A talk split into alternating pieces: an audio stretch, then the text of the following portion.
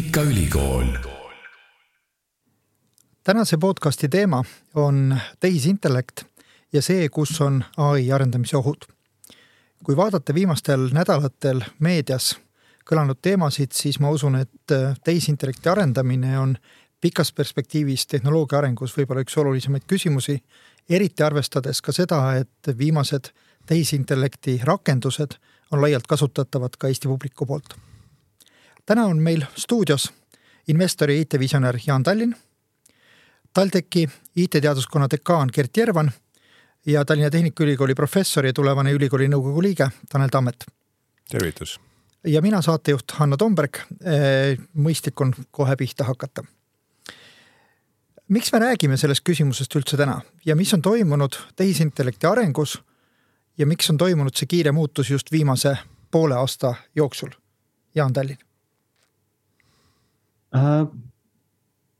ma, ma ütleks, et nagu see muutuste algus äh, läheb aastasse kaks tuhat seitseteist, kus kohas äh, Google'i äh, insenerid või teadlased tõid välja artikli nimega Transformers, attention is all you need Äh, ja selle tulemusena panid põhimõtteliselt aluse uuele äh, tehisintellekti treenimise paradigmale.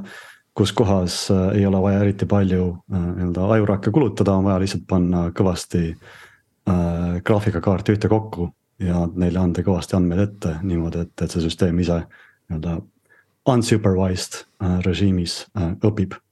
ja vist, miks just viimase poole aasta jooksul on asi kiirenenud, on just, et viimase poole aasta jooksul äh, natuke rohkema jooksul on tulnud konkreetsed äh, muljetavaldavad rakendused välja selle paradigma äh,, sellele paradigmale toetudes.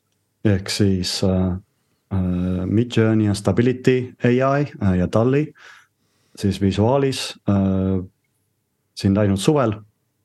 ja muidugi chat GPT ehk siis äh, GPT kolm punkt viis ja nüüd just hiljuti GPT neli ja on ju kõigile näha, kuidas äh, kuidas nagu kvalitatiivsete hüpetega äh, tehisintellekt paraneb tänu sellele uuele paradigmale. miks just täna, miks just praegu see sõnum? Äh, ChatGPT on väljas olnud alates novembrist. Äh, tõsi, Microsoft ja Google on ka öelnud, et neil on sarnased tehisintellekti rakendused töös. et miks just praegu see õige hetk on ja, ja ma küsin teise küsimuse siia juurde, Jaan. kas me ei ole juba nagu ajast maas, et järsku see hüüe on liiga hilja Äh, miks just praegu, äh, see on nagu vist asjaolude kokkusattumus mõnes mõttes, äh, et siin kahekümne esimesel märtsil ma vaatasin järgi, oli meil siis Tuleviku Instituudi ehk Future Life Instituudi kõne. ja kus me lihtsalt arutasime seda, et, et oot-oot, et tundub, et nagu selline reaalne hirm on nüüd õhus, et järjest tuleb iga päev tuleb artikleid selle peale nagu sel teemal välja, et. et oot-oot, et kas see ikka on nagu õige asi, mis praegu toimub Äh, tehisintellekti laboratooriumites, kus tehakse järjest suuremaid ja võimsamaid katseid tehisintellektiga. Äh, ja mõtlesime, et oot-oot, meil on nagu võimekus teha avalikke kirju, me oleme neid varem ka teinud.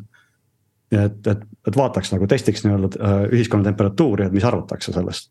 ja nagu sellist vastukaja ma nagu noh, võib-olla kergelt lootsin, aga nagu kindlasti ei ole julenud, ei julgenud äh, oodata ja, ja põhimõtteliselt nii ta läks, et, et see, et sellel nagu selline ajastus tek-, nagu see ajastus oli lihtsalt nagu sellise äh, viimaste uudiste ja viimaste muret avaldavate artiklite äh, poolt inspireeritud. ja nüüd küsimus, et kas, kas nagu tõesti tõepoolest on nagu liiga hilja äh,. raske öelda, et parem, parem hilja kui mitte kunagi, et äh,. aga hakkame seda teemat siis, hakkame seda teemat siin siis arutama äh,. miks, mida on senised tehisintellekti rakendused või tehismõistuse rakendused kasutajatele tegelikult andnud. ja siin ma kaasan Taneli ja Kerti ka. mis on selle plussid olnud ja mis on miinused? ma näen plusse, ma ei oska võib-olla neid miinuseid hästi hinnata, aga ma arvan, et me kodudes kõigil, kellel on teismelised, me räägime chat GPT-st juba tegelikult pea igapäevaselt. Tanel ma, ma arvan, et igapäevaselt on, on nad meile üllatavalt vähe andnud võrreldes sellega, kui palju me oleme nendest rääkinud, et noh, igapäevaselt me puutume kokku, ma arvan, peamiselt selliste suurfirmade äh, uudisvoogudega, et, et, et Google otsustab, mida meile näidata ja Facebook otsustab, mida meile näidata ja ja, ja, ja, ja seal on kindlasti, eks ole, tehisintellekti komponendid sees ja, ja Amazoni Alexas, aga üldiselt me väga palju sellega kokku ei puutu, eks ju, ja see on natuke, natuke see, et, et sellised igapäevased asjad, mida inimesed äh, tegelikult praktiliselt tahaks teha, et need on nii rasked, et need ei tule hästi tehisintellekti süsteemidega välja. ja, ja ma arvan, et, et enamusel nendel tehisintellekti arendajatel, noh, ma olen üks nende tüüpnäide, on pigem olnud, olnud vaat-, ootus või oletus, et et kogu see valdkond progresseerub tegelikult väga aeglaselt, et noh, et hästi palju on sellist nagu haipi või, või promo, aga, aga reaalselt kulgeb kõik hästi aeglaselt, eks ju. ja, ja, ja ma arvan, et nüüd viimase paari aasta jooksul on, on noh, kui ma toon enda jälle näiteks, on, on, on veendumus selles, et see on hästi aeglane, on hakanud kõikuma, eks ole, et me oleme näinud, et, et, et needsamad asjad, millest Jaan rääkis, et nad on olnud eh, küllalt noh, ütleme suhteliselt lihtsalt ehitatavad, nii et me ei saa isegi täpselt aru, et mida me teeme, on ju. ja, ja, ja tõepoolest, et kui me paneme sinna lihtsalt kõvasti datat ja protsessorid, noh, mis on tehnoloogiliselt keeruline, eks ole, aga ütleme kontseptuaalselt ei ole nii keeruline et kui me paneme neid juurde, siis nende võimekus on läinud oluliselt paremaks, kui, kui enamus inimesi oleks oodanud. ma arvan, et kindlasti mõned oleks oodanud, aga üldiselt tehisintellekti arendajad, ma arvan, ei oodanud sellist edasiminekut. mis ütleb, et, et noh, meie selline edasi, edasise prognoosimise võime on ilmselt väiksem, kui me arvasime, on ju.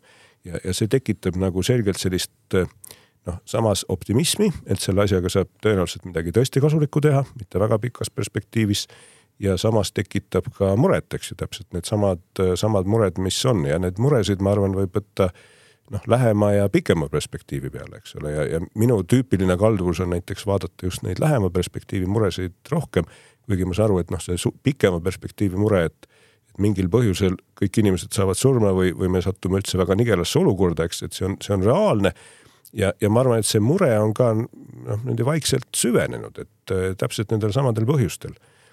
Ja, ja kui tulla nüüd selle juurde, et noh, mida, mida saaks praktiliselt teha, siis, siis kuna asi on natukene raskelt ennustatav praeguses seisus, me oleme näinud, et me ei oska hästi ennustada, siis ma ei julgeks ka väga hästi ennustada, et, et noh, ühest küljest ma endiselt näen, et, et paljud, paljud võimekused on puudu või neid on raske teha, eks, et noh, klassikaline näide on muidugi seesama isesõitev auto, mis justkui noh, ei tohikski nii väga raske olla, et ta ainult seal roolib, keerab, keerab rooli ja pidurdab ja gaasi, eks ju. no ta ei pea seal midagi haarama sõrmedega või, või keerulist juttu rääkima, midagi sellist ei ole, eks ju, et nagu suhteliselt lihtne oleks, eks ja, ja, ja pildituvastus on ka suhteliselt hea juba päris ammu, eks, ja teadupärast üsna ammu lubati, et oo, järgmine paari, paari aasta pärast on meil igal pool isesõitvad autod, seda üldse ei juhtunud, selgus, et tegelikkus on oluliselt keerulisem, kui me oleksime oodanud, eks. Ei tähenda, et see on nüüd üldse võimatu, aga, aga see ajahorisont on nihkunud, eks ju. Ja noh, see on ka praegu päris kaugel, ega see ei ole, see ei ole järsult nagu lähemale tulnud, nii et ühest küljest me näeme, et asjad ei ole väga lihtsad, ei ole ka muutunud viimase paari aastaga jooksul väga lihtsaks teisest küljest mõned asjad, eks ole, needsamad generatiivsed ai-d ja millest Jaan rääkis ja transformerid, et need on suutnud keeletehnoloogias teha asju palju efektsemalt ja kiiremini ja ka sellises lihtsamas mõtlemise mõttes, kui me oleks oodanud, eks, aga keegi jällegi praegu ei saa aru sellest ja, ja ma, ma arvan, et, et nende reaalsed rakendused on praegu väga ebaselged, noh, me mõningaid teame kindlasti, eks, neil on hulk reaalseid rakendusi, aga see perspektiiv on väga ebaselge ja see tähendab, et et noh, et üks äärmusvariant on see, et väga palju ei olegi veel kasu ja võib-olla tulebki platoo ja nende samadega asjadega ei saagi väga kaugele jõuda, et noh, et saame natuke tekstigeneraatoreid ja parema otsingu ja ilusamat teksti kirjutada ja keeleõpet, eks see on selline miinimumvariant, eks, aga, aga maksimumvariant on see, et, et ta muutub nii kasulikuks, et ta et ta jõuab meile igale poole, eks ju, siis ta hakkab nagu, me harjume sellega ära ja ta hakkab meid mõjutama ja sellel kõigel on, on, on, ma arvan, ka lähiperspektiivis drastilised tagajärjed enne üldse sellist ohtu, kui kui me mõtleme, et pikas perspektiivis inimesed üldse või inimkond jääb kuidagi raskesse olukorda, eks noh, mis risk eksisteerib. ja ma lihtsalt ei, oska öelda, et, et kuidas seda ennustada. aga noh, reaalselt, et, et mis, mis praegu juba juhtub täiesti ilma igasuguse sellise äh, Äh, super tehisintellektita on see, et, et seesama IT, mis meil on siin tükk aega olnud, et see võimaldab äh, sellise nii majandusliku kui ma arvan, selle kaudu ka ühiskondliku ja poliitilise võimu tsentraliseerimist, et, et suurfirmad järjest haaravad, haaravad turgu enda kätte ja võtavad justkui igalt poolt maksu ja, ja suunavad kõike, eks ole, ja selle kaudu nad nagu drastiliselt vähendavad muuhulgas ka konkurentsi ja sellist loomulikku evolutsioonilist kapitalistlikku arengut ja, ja, ja see olukord üksi ei ole juba meeldiv, eks.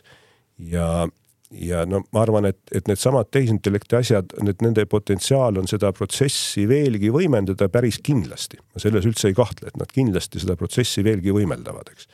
ilma üldse selleta, et nad peaksid kuhugile kohutavalt kaugele jõudma.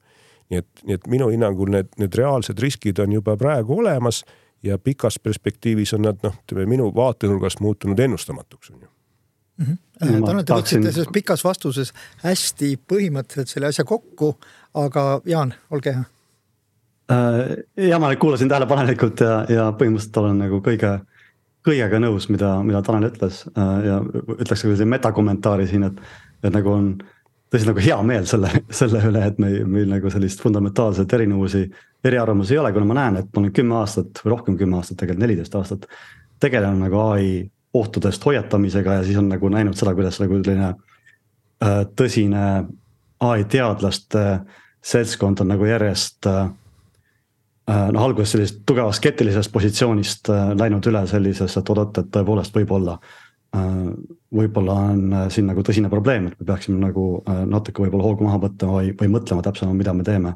Väga hea näide selle kohta oli näiteks Jeff Hinton äh, kes äh, on põhimõtteliselt äh, nagu sügav, sügavõppe või deep learning'u leiutaja ja tema siin eelmine või üle-eelmine nädal andis CBS-ile, kui ma mäletan, intervjuu, kus kohas ta ütles sõna otseselt välja, nagu, nagu sõnaselgelt ütles välja, et tõepoolest see oht, et, et ai võib inimestele, inimkonnale saatuslikuks saada, on asi, mida tema välistada ei julgeks. Ja, ja see protsess on tõesti kiirenenud et vist viis aastat tagasi oleks ta veel öelnud, et, et, et need, need mured on aastakümnendite kaugusel. aga nüüd ta ei suuda enam välistada seda, et võib-olla aastate kaugusel.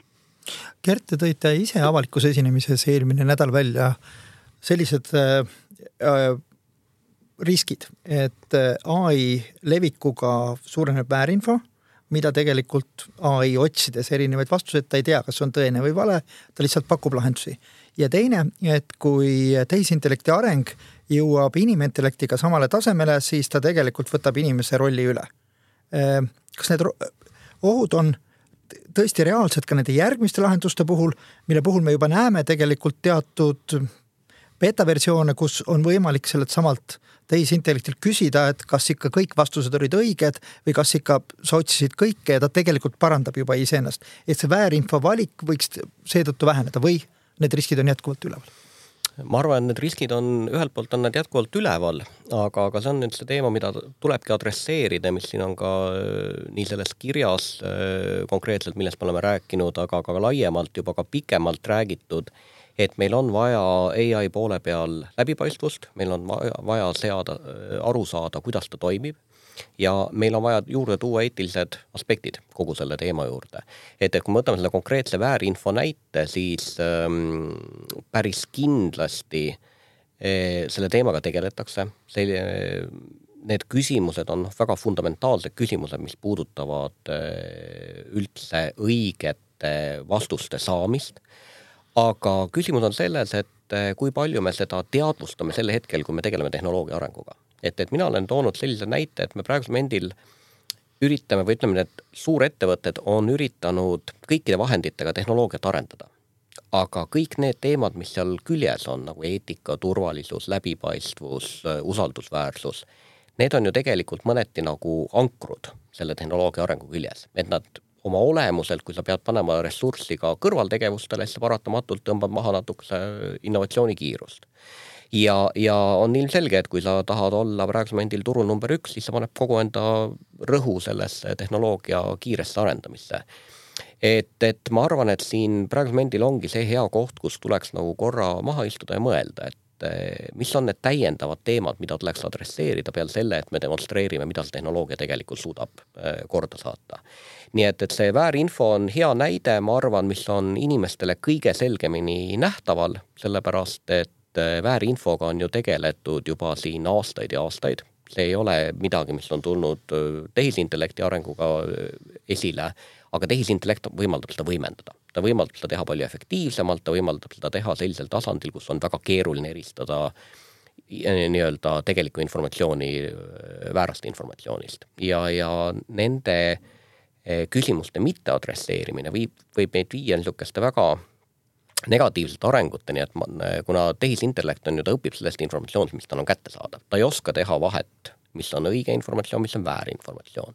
ja mida rohkem väärinformatsiooni on meie informatsiooniruumis, seda rohkem hakkab see väärinformatsioon ka läbi tehisintellekti täiendavalt genereerima hakatakse seda. ja, ja selliste teemade adresseerimine, ma arvan, et ülioluline, sest et vastasel juhul me ei suuda seda maailma enam hiljem kontrollida no selle kohta on öeldud ka ühes vastuartiklis, et need lahendused on olnud olemas ja me tegelikult ei ole viimastel kuudel olulist väärinformatsiooni leviku suurenemist lahene, näinud ja teine asi, parandame järgmises versioonis selle ära, las ta kontrollib üle need andmed jaa, aga ma arvan, et see ongi see vastus, et parandame järgmises versioonis ära, et see ongi see teema, millega tulebki tegeleda. see ongi see, et kus me saame selle kindluse, et need vastused, mida me saame tehisintellektilt ja noh, nüüd ma lihtsustan väga palju, et kuida-, kui need vastused, mis me saame, kas me saame aru, milliste andmete pealt on tehtud, kuidas nende vastusteni on jõutud ja mis on see nii-öelda õige, mis on see tõe kriteerium, eks ole, väga lihtsalt öeldes. et Eh, see ongi teema, mida tuleb adresseerida, väga lihtsalt öeldes. ja, ja eh, kui meil on tehisintellekti eh, süsteemides sisse viidud sellised nii-öelda kontrollid või kaitsemehhanismid, siis see ongi samm õiges suunas. Jaan, sellele avalikule pöördumisele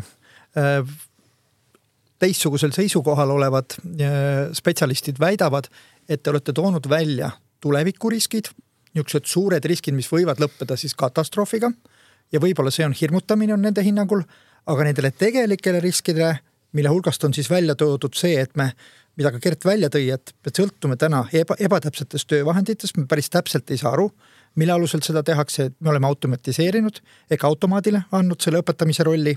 teine see, et see tänane areng võimaldab võimu koonduda üksikute suurkorporatsioonide kätte, aga ei ole veel välja toodud seda, mida te kirjas välja tõite, et see võib tegelikult suurel osal keskklassist töö ära võtta.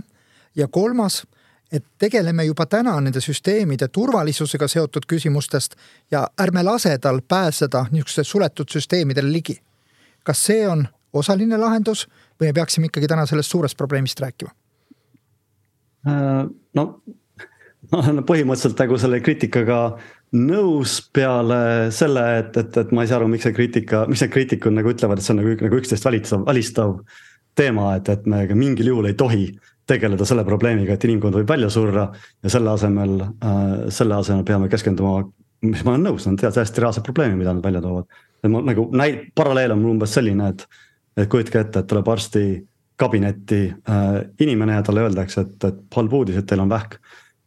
Ja siis selle peale, et lendab uks, arstikabineti uks laiali, lahti ja öelda ja astus, astub sisse äh, toitlustusspetsialist ja ütleb, et, et, et teie, teie probleem on hoopis ülekaal, et, et ärge jumala eest rääkige vähist, et vähist ei tohi mingil juhul rääkida. ei tohi mõelda, ei tohi öelda ja nagu, et see, see arst üldse on nagu äh,. ei tohi nagu, nagu selline teema nagu onkoloogia üldse unustage ära, sihuke, see ei ole üldse tõsiseltvõetav asi. et ärge hirmutage, sellega on al alarmism. et nagu õige reaktsioon on see, et, et jah, ülekaal on teil tõesti probleem, aga teil on ka palju suurem probleem, et, et, et võiks nagu mõlemaga tegeleda. Jaan, kas te olete lugenud Eliser Jutkovski artiklit Time'is, kus äh, täna hommikul seda läbi lugedes mul tekkis küll hirm, et ma ütleks, et mina käsitlen seda hirmutamisena, et ta toob selgelt välja, et inimkond sureb välja, kui me anname kontrolli ai-le jah, no Eliezer oli tegelikult äh, see inimene, kes mind neliteist aastat tagasi selle teema juurde tõi. ja ta on alati olnud selline äh,, kuidas öelda, kui ühiskonna arvamus on olnud äh, ühes servas, siis Eliezer on olnud teises servas ja, ja arvamused on ka tegelikult kogu aeg liikunud, mitte nii, et Eliezer ühiskonna suunas, vaid ühiskond Eliezeri suunas.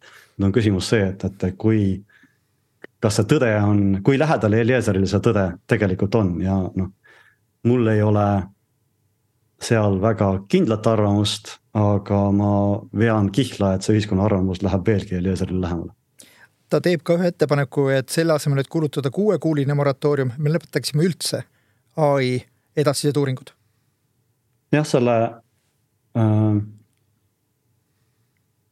äh, kui me alguses nagu kogusime selliseid esialgseid toetaja allkirju, äh, siis Eliezer oli ainus, kes ütles, äh, mõned ei vastanud aga Elias on ainus, kes ütleb, et tema selle alla ei kirjuta, kuna see kiri nagu pehmendab probleemi liialt ja probleem on palju-palju suurem. ja selle peale ta siis avaldas selle, selle artikli. et ma ei ole, ma lugesin nagu libistasin, mul lihtsalt ei ole aega olnud seda artiklit põhjalikult lugeda, ma lihtsalt libistasin sealt silmad üle. ja nii palju, kui ma aru sain selle libistamise peale, ta ei ütle, et ai arendus peaks seisma panema, ta vist ikkagi räägib nendest samadest suurtest eksperimentidest, mis, mis praegu toimuvad. et no üldine trend, mis on olnud tegelikult ai-s, ai-ks kui nagu uurimisvaldkonnas ja Tanel seda ilmselt saab kinnitada. on see, et, et meetodid on läinud järjest läbipaistmatumaks. et kui siin mõelda tagasi aastasse, aastasse tuhat üheksasada kaheksakümmend või nii, siis olid kõige kuumemad asjad ai sõnal, ai teemal need ekspertsüsteemid, mis olid põhimõtteliselt oligi nii, et, et käidi inimeksperti juures. küsitleti neid, kuidas nad teevad otsuseid ja siis üritati neid äh,, neid otsustusviise arvutisse kodeerida. selle pluss oli see, et, et, et need programmid olid väga lihtsad, selgelt läbipaistvad, arusaadavad, et kui arvuti tegi otsuse, siis on teada, miks ta sellise otsuse tegi. miinus oli see, et nad ei töötanud väga hästi. ja, ja nüüd siis nagu ajapikku edasi mindi äh, nagu sellistesse vähem vähem läbipaistvatesse skeemidesse. Äh, ühel hetkel tuli süvaõpe, äh, deep learning, äh, siis tekkis nagu supervised ehk siis selline ülevaate, ülevaadet, ma ei oska eesti keelt tõlkida supervised learning ut. ja nüüd lõpuks on põhimõtteliselt unsupervised learning, kus kohas siis arvutile pannakse musta kasti suure hulga, hulga arvutusvõimsusega ja suure hulga andmetega ja vaadatakse, mis sealt välja tuleb Jaan, te viitasite juba sellele, et kui proovida seda nagu eesti keelde panna, siis järelvaataja kontrolli all olev õppimine ja ilma järelvaataja kontrollita olev õppimine. aga Tanel, mis vahet seal on, et see algoritm on ju inimese poolt loodud, mis sinna sisestatud on, see on ju meie kontrolli all või ei ole? ei ole, ei ole, nendel äh,, sõltub mida algoritmi all mõelda, et, et see äh, treening algoritm tõesti on äh, inimeste poolt loodud veel õnneks. ei tea, kaua see nii kestab aga see algoritm, mis nagu peale treeningut välja tuleb äh,, ei ole inimeste loodud, see on äh,. see on põhimõtteliselt selle treeningrežiimi loodud, nagu inimene on evolutsiooni loodud, on siis need äh, suured keelemudelid loodud selle vastava äh, treeningrežiimi. see treeningrežiim ise on väga lihtne, võtab umbes kakssada, kakssada rida koodi, et, et seal ei ole midagi keerulist, on, on lihtsalt see, et, et see suur arvutusvõimsuse äh, arvutusvõimsuse ja andmete puhul, andmete abil teostatu või arvutusvõimsuse ja andmete abil äh, realiseeritav optimiseerimissurve on see, mis selle algoritmi nii-öelda välja pigistab sellest mustast kastist. ja et, et, et kui siin sellest algoritmist rääkida, siis ma arvan, siin hea võib-olla silmas pidada selle võrdlust inimese või, või, või loomade või sellise bioloogiaga, kellel on aju, eks ole et, et meie õppimine on, on justkui nagu kaheosaline. et kõigepealt eh, noh, on, on, on inimene nagu füüsilise objektina, eks, kes sünnib ja siis hakkab vaikselt suuremaks kasvama. ja täiesti selgelt, et kui ta sünnib, siis on tal juba suured keerulised ajustruktuurid eh, evolutsiooniliselt eh, ette ehitatud, eks ole, ta enne kui ta üldse midagi nagu välismaailmast õppima hakkab, tal on nagu päris palju nagu teadmist ja struktuure ajus, suured kogused, see on see on kaheldamatult niimoodi. ja, ja need on tekkinud iseenesest ju samuti õppimisega, see on nagu pikk evolutsiooniprotsess, eks ole, mis on viinud välja sellise ajuni, nagu meil on või nagu sellise aju, nagu on koeral või hiirel või kärbsel. nüüd, nüüd pärast sündimist, eks hakkab seesama aju uuesti edasi õppima. et siis tuleb järgmine faas, et ta hakkab õppima seda, mis on, mis on maailmas näha ja, ja, ja mis juhtub, kui ta midagi teeb, eks ju.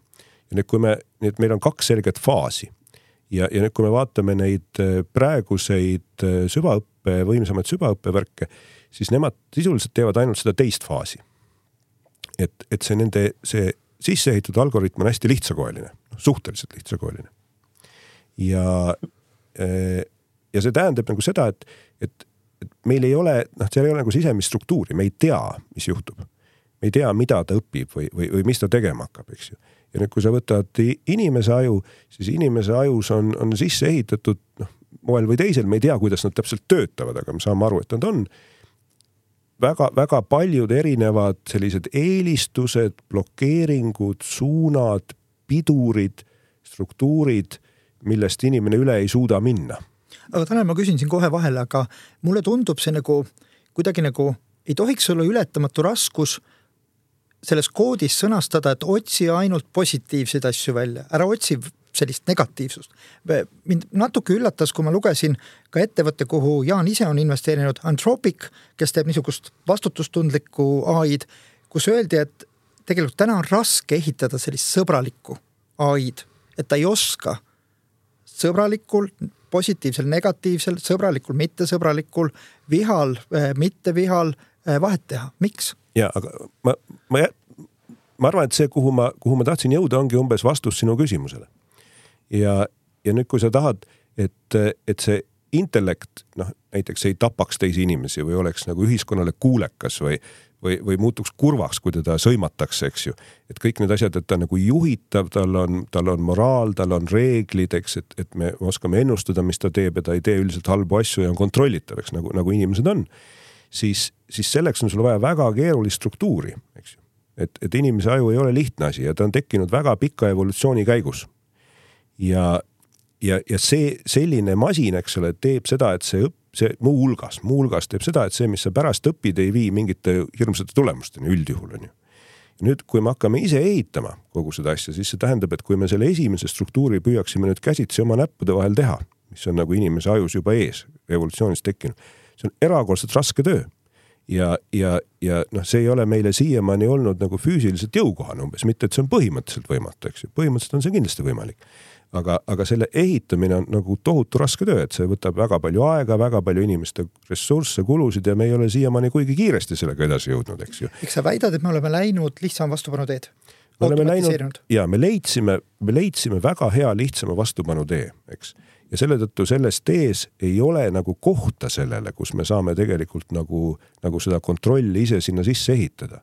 seda kohta justkui ei ole, ma ei ütle, et seda ei ole võimalik leida, aga praegusel hetkel seda ei ole. ja, ja kõik need asjad, kui sa püüad talle hakata sellist moraali pärast tagantjärgi õpetama, siis see on, see on nagu fake või see, see ei ole usutav, eks ju need asjad peavad olema fundamentaalselt sisse ehitatud, umbes nagu noh, küberturvalisus peab olema fundamentaalselt sisse ehitatud tarkvarasse ja mitte niimoodi, et sa pärast kleebid sinna mingi sildi külge, et ta on, et ta on fine, on ju.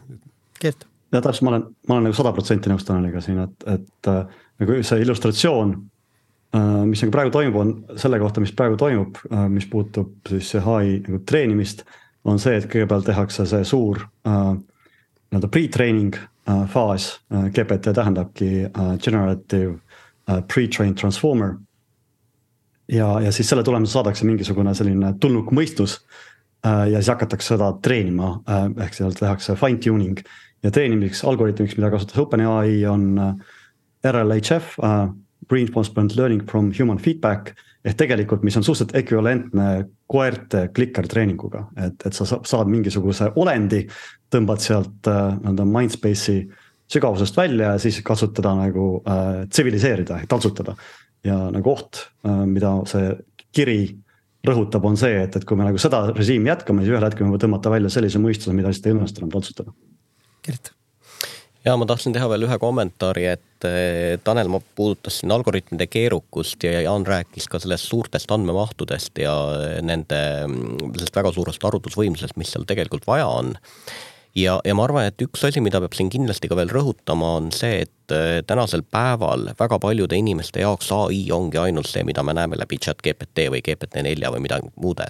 ehk need väga suured mudelid ja noh, siin lihtsalt nagu konteksti pannes, et kui me räägime seal GPT-4-st, me räägime seal mudelitest, mis on triljoneid parameetreid ja tahetakse minna kuni saja triljonini välja aga me ei tohi unustada ühte teist aspekti ära, et mitte kõik ai, millest räägitakse, mida kasutatakse, ei ole sellisel keerukusastmel. ehk väga suur küsimus on selles mudeli enda keerukuses ja see, millest me alustasime siin täna peale seda diskussiooni, mis puudutab siis nagu, nagu neid äh, ai rakendusi, mida me igapäevaselt näeme, alates sealt, ma ei tea, tekstituvastusest ja äh, laoroboti liikumisest, lõpetades siinsamade äh, sõidujagamisteenuste optimeerimisega, siis see on nagu hoopis teine maailm ja, ja me, ma arvan, et seal diskussioonis tuleb ka silmas pidada seda aspekti, et see, millest me tänasel päeval räägime kui probleemist, on need väga suured mudelid, mis põhinevad väga suurel kogusel andmetel ja mis tekitavadki kas neid andmemonopolide probleeme või midagi muud taolist.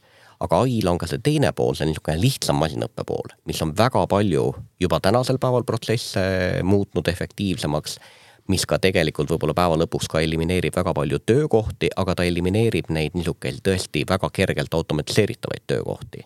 ja siis seal teisel pool skaalal on kõik need väga suured ai mudelid, needsamad GPT mudelid, kõik muud taolised asjad. ja vot see on see, kus on see põhiline probleemide ring, millest me tänasel päeval räägime. et me ei tohiks neid kahte asja ka täiesti ühte patta panna mõlemal on kindlasti need aluspõhimõtted, sama see eetiline pool, läbipaistvus ja nii edasi, need on kõik kindlasti täpselt sama olulised. aga ütleme niimoodi, et eh, nüüd seda arvata, et su laorobot, laorobot hakkab päeva lõpuks eh, maailma üle võtma, see ei ole ka kindlasti see teema, aga me peamegi just selgeks rääkima, et, et need on need väga suured mudelid, mis on see põhiline diskussioonipunkt tänasel päeval. otsime siis lahendusi mis oleksid lahenduses antud olukorras, me oleme probleeme defineerinud, aga mil moel me saaksime selle kontrolli alla? on teatud valdkondi, kus toimub eneseregulatsioon ja miks me arvame, et tehisintellekti arendajad pole vastutustundlikud inimesed? Jaan. Äh, no esiteks nad on jah, tõesti vastutustundlikud inimesed. Äh, ma mõnikord naljatan, et kui maailm kaob järgmise kümne aasta jooksul, siis tõenäoliselt kaob ta mõned mu hea sõbra tegevuse tulemusena Äh, aga seal on selline probleem, et nii-öelda tragedy of commons probleem, et nagu selles äh, Tuleviku Instituudi kirjas me ka mainisime, me näeme seda tendentsi, et need laboratooriumid äh,, isegi kui seal on palju inimesi ja tõesti sellele kirjale on alla kirjutanud ka palju sellistest tehisintellekti firmadest inimesi isegi kui seal on nagu palju inimesi, kes arvavad, et me peaksime liikuma ettevaatlikumalt, siis nagu selline konkurentsisurve äh, nende nagu ai arendajate vahel on lihtsalt nii suur, et neil on raske öelda nii, et okei okay,, nüüd mina pean pausi äh,. selle asemel on vaja sellist välissurvet. et, et nüüd on vaja tõesti pausi pidada ja kõik peavad pausi pidama, mitte, mitte nii, et, et ainult vastutustundlikud peavad pausi pidama. ma eile kuulasin just, või oli üleeile Äh, Sundar Pichaiga intervjuud ja kus tema põhimõtteliselt ütles sedasama asja, et ta on nõus, et tehisintellekt on potentsiaalselt väga ohtlik. Äh, ja, ja on vaja just nagu valitsuse poolt äh, öelda nüüd, panna nii-öelda kõikidele osalistele ette, et nüüd on, nüüd on aeg nagu hoog maha võtta ja, ja vaadata, kuidas, kuidas ettevaatlikult edasi liikuda. no ma lihtsalt kardan seda, et riigid ei suuda seda regulatsiooni panna paika, eriti kui riigi ametnikud, kes peaksid selle eest vastutama, noh, on tõenäoliselt nendest arendajatest noh, mitte valgusaasta, aga tõenäoliselt kümmekond aastat maas, Tanel. ühest küljest ma arvan täpselt sedasama, eks, et, et sa ei saa seda takistada, sellepärast et siin on seesama, mis, mis me kõik rääkisime, loomulik konkurents ja noh, näiteks kui sa vaatad kasvõi sõjandust, siis sõjanduses tehakse mida iganes, eks, et seal ei ole nagu põhimõtteliselt niimoodi, et me paneme mingisugused moraalsed piirid, põhimõtteliselt ei ole. aga teisest küljest, teisest küljest kindlasti saab pidurdada. et ma olen täiesti kindel, et ei saa kinni panna kindlasti saab pidurdada, sest noh näiteks kui me praegu vaatame seda, et, et, et hetketehnoloogiaga neid päris niimoodi nagu noh, efektseid või, või tõsiselt suuri edusamme tegevaid keelemudeleid saab treenida ainult juhul, kui sul on, sul on, sul on nagu väga suur hulk, eks neid graafikakaarte, mis suudavad hästi palju paralleelarvutusi teha ja, ja, ja need ei ole niisugused odavad asjad ja need ei ole kuskil niimoodi peidus, et sa ei saa niimoodi kodus seda praegu teha, on ju, sa ei saa isegi tavalises firmas seda praegu teha. Ja kui me vaatame, siis need võimsamad mudelid on peaaegu kõik tehtud Ühendriikides konkreetselt, eks nad ongi tehtud tegelikult OpenAI ja Microsofti koostöös, nad on tehtud Google'i poolt, nad on tehtud Facebooki poolt ja see on tehtud hästi palju teisi, on ju, ja igaüks saab ise treenida sellist väikest, aga need võimsamad on selliste suurte korporatsioonide tehtud, kellel on väga suur ressurss tegelikult. ja Hiinas, kus tehakse ka tohutult palju tehisintellekti uurimistööd, ma arvan, võib-olla isegi rohkem kui Ühendriikides. samas ei ole tehtud nii võimsaid mudeleid, et no nagu nõrgemad, eks ju. ja, ja kui me vaatame noh, nagu Venemaad või Indoneesiat, no ei ole, eks. ja, ja, ja nüüd reaalselt on põhimõtteliselt valitsustel võime öelda Ühendriikides, et vaat selliseid ja selliseid asju te lihtsalt praegu ei tee, on ju. ma ei ütle, et see on nüüd õige teha, aga nii saaks teha, on ju.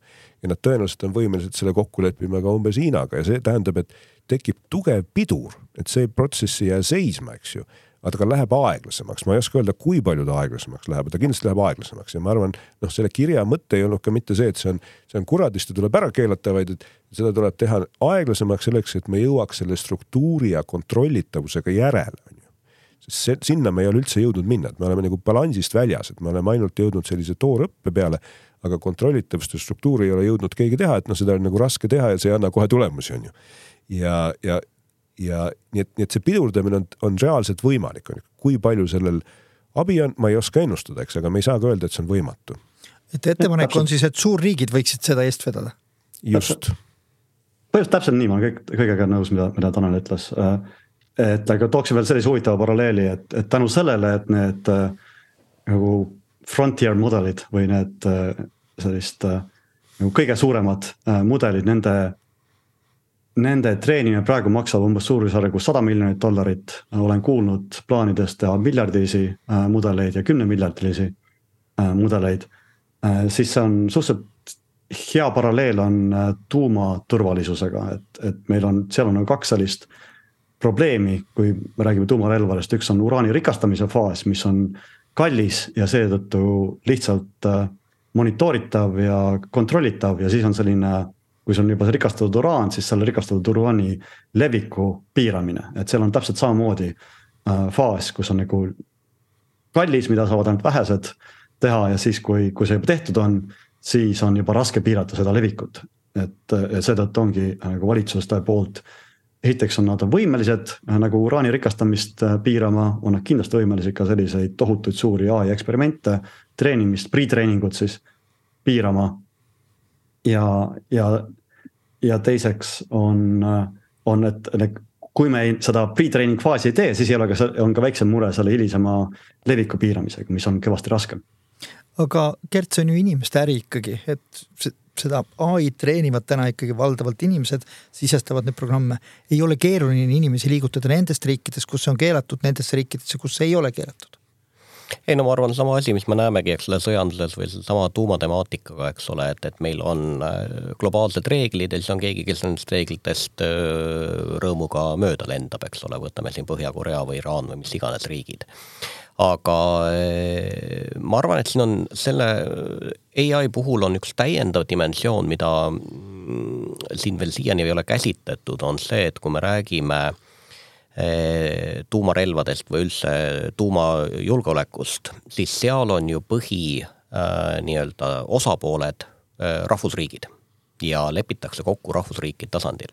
nüüd ai puhul äh, väga selgelt ma julgeks ikkagi öelda, et ei USA valitsus, Euroopa Liit ega see mingisugune kolmas rahvusriik ei ole see nii-öelda vahetu stakeholder kogu selles teemas. Stakeholder iteks on eraettevõtted ja eraettevõtetes tekib seesama, see, mis just äh, siin ka varasemalt oli juttu, seesama see konkurentsi küsimus, et äh, võidab see, kes esimesena kõige parema asjaga välja tuleb.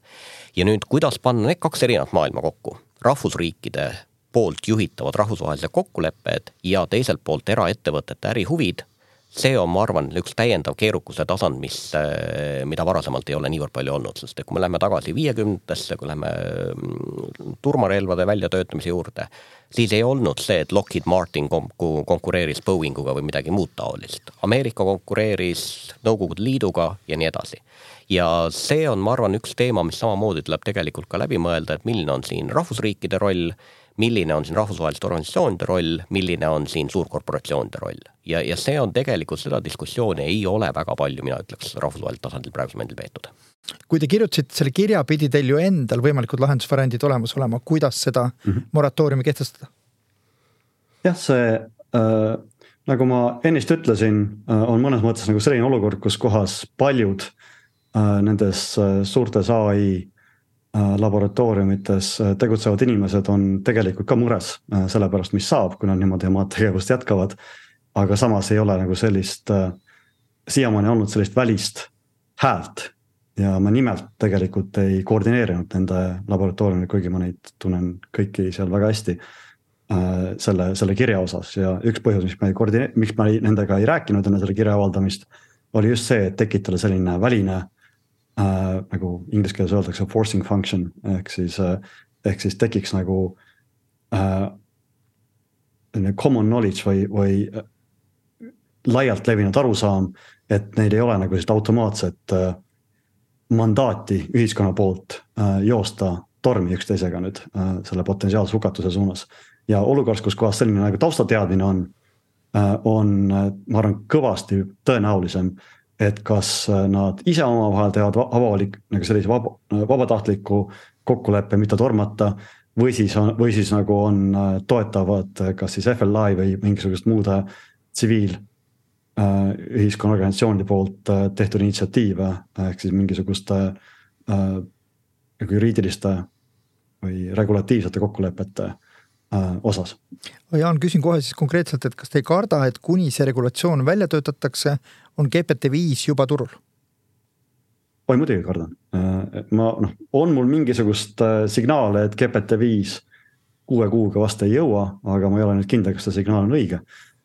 et kindlasti ja tasub karta sel teemal kas me saame ise kuidagi riikide tasandil midagi teha ja kuidas meie teadlaskond võiks sellesse suhtuda, sest mulle tundub, et selline sõnum, et me piirame teadlaste vabadust teha teadust, on see siis alus- või rakendusteadus, Äh, mõjub kindlasti neile punase rätikuna. ja, aga see ei olnud, see tegemist ei ole nagu teaduse vastase äh, positsiooniga või nagu see kiri isegi nagu selgelt ütles, et, et see ei ole ei, kutse tehisintellekti kui äh, uurimisvaldkonna pidurdamisest ei käi jutt, vaid käib jutt konkreetselt äh, suurte praegu juba sadu miljoneid dollareid maksvate, järgmised tõesti miljardid dollareid maksvad Äh, eksperimentide peatamised, kus kohas teadust on väga vähe, see on puht, puhas inseneritöö, mis, mis seal, mida seal nende tegemiseks vaja on. ja ma, ma isegi ütleks, et, et seda tehisintellekti teadust oleks palju rohkem vaja, et, et see natuke probleem, probleemi üks osa meil ongi see, et seda on, on kahetsusväärselt vähe olnud tegelikult, eks ju. ja selle asemel on, on tekkinud olukord, et oo, me saime sellise suhteliselt lihtsa algoritmiga ja suure arvutusvõimsusega päris head tulemused, eks ilma, et me saaks nagu üldse millestki aru ja ilma, et me oskaks seda kontrollida, et ja, ja, ja me tegelikult nagu väga ei tea, mis seal üldse toimub, eks ju.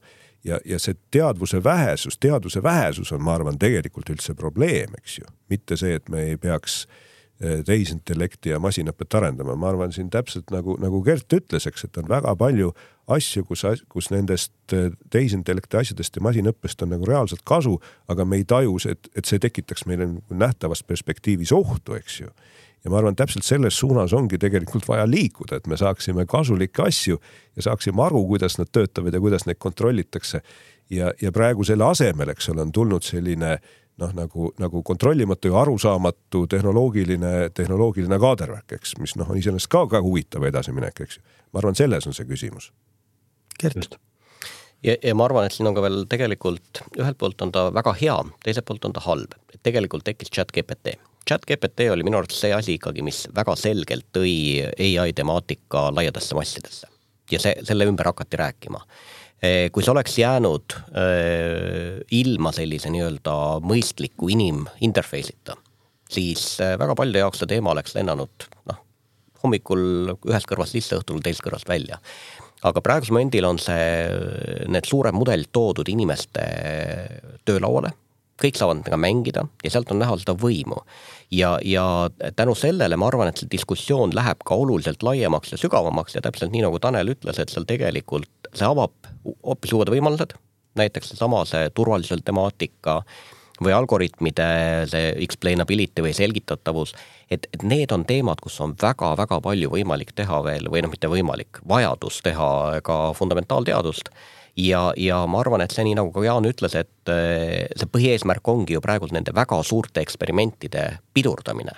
et, et seal ei ole midagi pistmist eh, ai edasiarendamisega, see on tegelikult on otsele eh, brute force arvutusvõimsuse kokkukuhjamine, suuremate andmehulkade kokkukohjamine ja noh, võidab see, kellel on kõige rohkem äh, andmeid ja kõige suurem rahakott piltlikult öeldes. ja vot see on nagu see koht, kus ongi see piduri tõmbamine. aga see nii-öelda paralleelne ai teoreetilise baasi arendamine, ai rakenduste loomine, mis ei põhine nendel kolossaalsetel andmehulkadel, see on hoopis teine teema. No projitseerime veel saate lõpuks, kus me võiksime olla kahe aasta pärast. ühel juhul, kui me täna ei tee mitte midagi ja teisel juhul, kui piirangud ette tulevad ja teile anda hetk aega mõelda, ütlen, et lihtsalt mina ei ole näinud oma elus vajadust chat-GPT-d seni kasutada, lõin selle konto täna ja küsisin chat-GPT-lt, millised oleks kümme küsimust, mida ma teilt täna küsima peaksin. ja pean ütlema, et valdavas osas langesid need kokku, et ka chat-GPT tegi loogilised, põhjendatud ja sellised küsimused, mis äh, käsitlesid eetikat, potentsiaalseid ohte ja kasu, mis ai-l on ja ka tegelikult privaatsusega seotud küsimusi ja nagu Tanel juba mainis, see isesõitvate autode küsimus, et kes isesõitvat autot ikkagi lõpuks juhib. aga projitseerime ennast, mis kahe aasta pärast juhtub, kui me mitte midagi ei tee, Jaan? ma arvan, et väga palju nüüd sõltub sellest, kas õnnestub äh, nagu pidurit tõmmata ja pausi panna nendele suurtele eksperimentidele või mitte äh,. kui õnnestub, äh, siis on meil mõnes mõttes selline tavaline kuigi mitte nüüd kõige tavalisem, aga ikkagi nagu suhteliselt tavaline tehnoloogia probleem ja meil on nüüd tegemist mingi uue tehnoloogiaga nagu olid, ma ei tea, autod äh, või tuli või ratas. ja on vaja nüüd leiutada seda, millised on head äh, rakendused ja kuidas nende, kuidas äh, parandada vead, nagu siin paar päeva tagasi ai tappis Belgias ühe mehe. et, et selliseid asju ei, ei juhtuks. kui nüüd ei õnnestu piir, piiri panna, siis minu hinnangul no tohutu selline ebakindlus, aga ma ütleks, et üks kuni viiskümmend protsenti tõenäosust on iga järgnev eksperiment, mis, mis on nagu järgmine aegeneratsioon võib lihtsalt inimkonna hävitada, et. ja need, need eksperimente ilma pidurit tõmma, tõmbamata juhtub umbes üks aastas. nii et me peaksime siis elama sellises nagu tohutus hirmu, tohutu hirmu all. ehk et aeg kuni null, null kellani nagu tuumaohu puhul tiksub praegu halastamatult nullini. Praegu tiksub, hetkel tiksub, äkki õnnestub seisma panna, on see lootus praegu. Tanel mina endiselt ei arva või, või ei, ei usu, et see tõenäosus, et paari aasta jooksul äh, ka see suurte keelemudelite tehnoloogia jõuab sellise tasemeni, et ta nüüd otseselt akuutselt paari aasta pärast valmistab meile suurt ohtu. ma arvan, et see tõenäosus on väike, no ma ei saa seda välistada, eks, sest me päriselt ei tea. Küll aga, eks noh, selline praktiline kasutusvõimsus kindlasti kasvab ja, ja, ja sellega seotud nagu otsesed mured, eks, mis, mis on juba praeguste süsteemide juures. ja, ja, ja ma arvan, selle käigus paratamatult inimeste nagu mure nii nende lähiaja negatiivsete stsenaariumide kui ka pikaaja selliste drastiliste stsenaariumide juurde. Et see kindlasti kasvab, eks mul ei ole mingit kahtlust, et see, et see kiri on alles nagu esimene samm, on ju. mis nagu tekitab sellist ühiskondlikku arusaamist sellest teemast ja see ühiskondlik arusaamine tõenäoliselt tekitab palju efekte. ma nüüd väga loodaks, et, et, et puhtalt noh, nagu oma kolleegide vaates, et ta innustab ka tehisintellekti uuringuid rohkem tegema, mitte ainult sinna kaadrivärkidesse riistvarasse raha panema, eks ju. ja, ja ma arvan, et see on sõltumatult sellest, kas mingi moratoorium tuleb või ei tule, sellepärast et noh, kuuekuuline moratoorium on pigem nagu selline kanaarilind, mis, mis ütleb meile, et kuulge, et, et on nagu probleem, et peaks millegagi tegelema, on ju, eks. et, et ta iseenesest kindlasti ei saa midagi otse muuta, eks, ta saab kaudselt muuta. et ma arvan, kahe aasta pärast me oleme tõenäoliselt selles samas seisus, kus praegu ainult, et selle, selle küsimuse tajumine on väga palju selgemaks saanud, on ju ja inimesed on hakanud rohkem lahendustele mõtlema, aga ma ei usu, et neid mingeid lahendusi veel on, eks, aga ma arvan, et see protsess on läinud lihtsalt, lihtsalt palju kõvema hooga käima ja on palju tõsisem. Gert? no minu puhul on üks teema, mis mind on pannud mõtlema, on see, et ähm, need arendused, mis meil toimuvad siin praegult lääne päritolu suurfirmades, on ikkagi noh, suhteliselt palju meie silme all toimumas mind palju rohkem teeb murelikuks seda, see, mis toimub seal, kus me ei näe, mis toimub. noh, Hiina on väga hea näide ja ma arvan, et neid riike, kellel sellised ambitsioonid on, mis ei ole väga läbipaistvad, on teistsugusedki.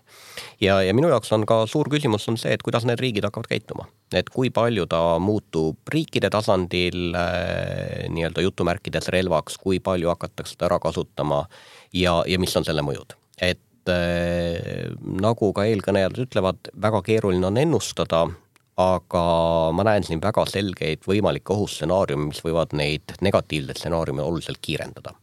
ja, ja ma arvan, et sel samuti, et selle eh, kirja, ma arvan, et üks väga oluline tulemus oligi see, et eh, nii nagu ka Jaan varem ütles, et noh, et, et ka teda üllatas see tähelepanu, mida see kiri sai et ta küll lootis seda, aga ta ei, ei olnud väga kindel selles.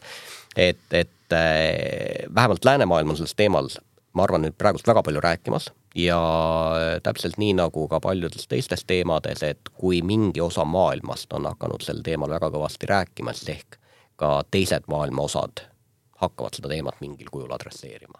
ja, ja kõige hullem ongi jah, minu arvates need asjad, mida me ei tea, kuidas need arengud toimuvad ja mis toimuvad nii-öelda meie silme alt peidetuna.